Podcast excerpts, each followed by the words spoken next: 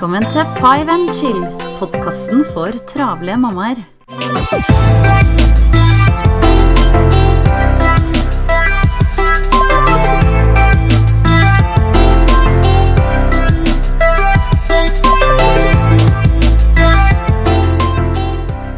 Hei og velkommen til en ny episode av Five and Chill. Janne her. Nå er det et par uker siden jeg sendte forrige episode, og det er rett og slett fordi at jeg dessverre har vært helt uten stemme. Men nå er jeg tilbake. Jeg kjenner jeg nesten svever fortsatt etter eh, forrige helg, hvor jeg var i Kristiansand på noe som heter Amazon eh, Camp.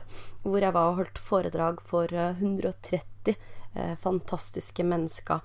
Og eh, da fikk jeg snakke om eh, et tema som jeg brenner veldig for, nemlig eh, hvordan våre fysiske omgivelser påvirker vår mentale helse. Og da når jeg skulle finne et tema for dagens podkast, så kom jeg jo på at for det første så har jeg ikke snakka om det her temaet i det hele tatt, og for det andre så har jeg jo egentlig så har jeg ikke fortalt så veldig mye om min bakgrunn. Så det tenkte jeg var på tide nå da i episode 20. Så eh, jeg driver jo nettstedet både Travel mamma, Facebook-sida med samme navn, og Facebook-sida Smart organisering, og denne podkasten Five and Chill. Eh, og det her jeg deler rett og slett tips og inspirasjon til hvordan du kan få mer tid, tid til deg sjøl, hvordan du kan planlegge og organisere hjemmet og hverdagen smart, og rett og slett så handler det om hvordan det er å være mamma. Jeg ble mamma i en alder av 34 år, og sjøl om jeg hadde mye livserfaring og masse erfaring med barn, i og med at jeg er utdanna barnevernspedagog og førskolelærer, så var det likevel noe helt annet å få sine egne barn.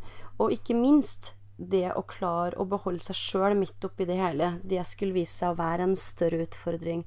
Og ikke minst det å skulle fortsette å være kjærester òg, og ikke bare foreldre. Det var en minst like stor eh, utfordring. Men eh, vi levde et veldig hektisk liv allerede før vi fikk barn. Eh, og som man kanskje kjenner igjen, så ble det enda mer hektisk da vi ble småbarnsforeldre. Hverdagsstresset henta oss inn, særlig etter at vi fikk minstemann og flytta inn i vår tomannsbolig. Og så oppsto kaoset ganske raskt etterpå. Men det var ikke et sånt kaos at rot og søppel fløyt overalt, sjøl om det kan høres sånn ut. Men det har det aldri vært. Eh, Men det var et kaos nok til at vi måtte bruke mye tid på å lete etter ting som vi ikke huska hvor vi hadde lagt, eller vi kunne komme for seint til avtaler fordi vi ikke fant den ene tingen som vi skulle ha med, som vi trengte der og da. Og jeg hater å komme for seint til ting, så det stresser meg veldig.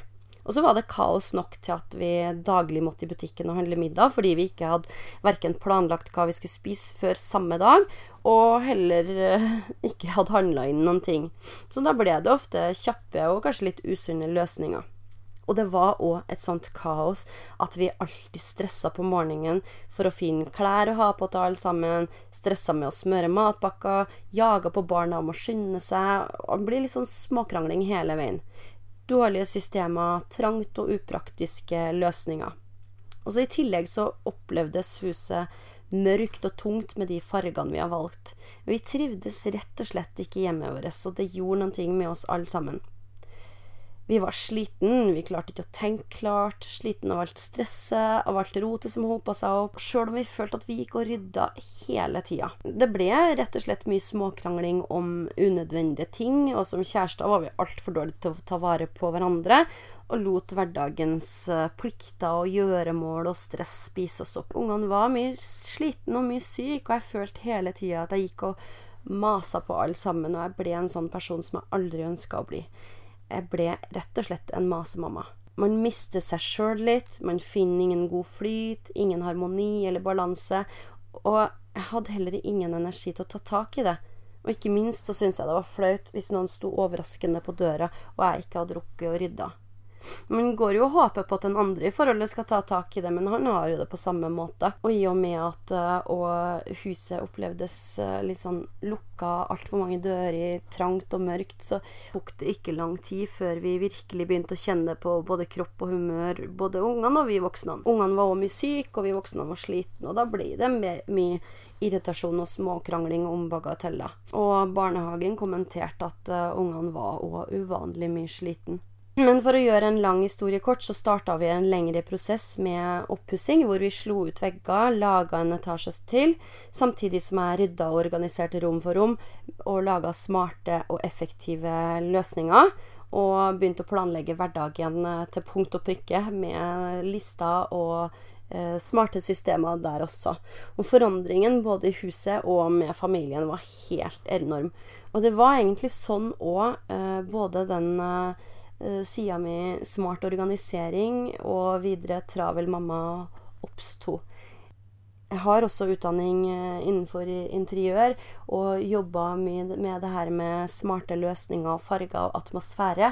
Og når jeg da så hvordan jeg kan binde det sammen med selve organiseringsbiten som er så viktig, så oppsto Travel mamma. Også ikke minst fordi at eh, det er den helheten som er viktig, nemlig også den biten her med hvor viktig det er å ta vare på seg sjøl i den travle hverdagen. Vi skal trives på alle plan for at vi skal være i balanse. Og i nyeste blogginnlegg så har jeg også skrevet litt mer om eh, hvordan det fysiske miljøet påvirke oss. Eh, og hvis du vil lese litt mer om eh, nettopp det temaet, så anbefaler jeg å gå inn på travelmamma.no og lese det siste blogginnlegget. Eh, men det var sånn rett og slett at det hele oppsto. Så der har du den, min historie. Det var òg det jeg hadde for denne gang. Og du, eh, en ting jeg har lyst til å be deg om, er å gå inn, vær så snill, på iTunes eller på Podbean og rate eh, denne podkasten. Og liker du det du hører, så del den også gjerne på Facebook. Tusen, tusen takk skal du ha. Jeg ønsker deg en uh, fortsatt uh, herlig dag, og så høres vi igjen snart. Ha det bra.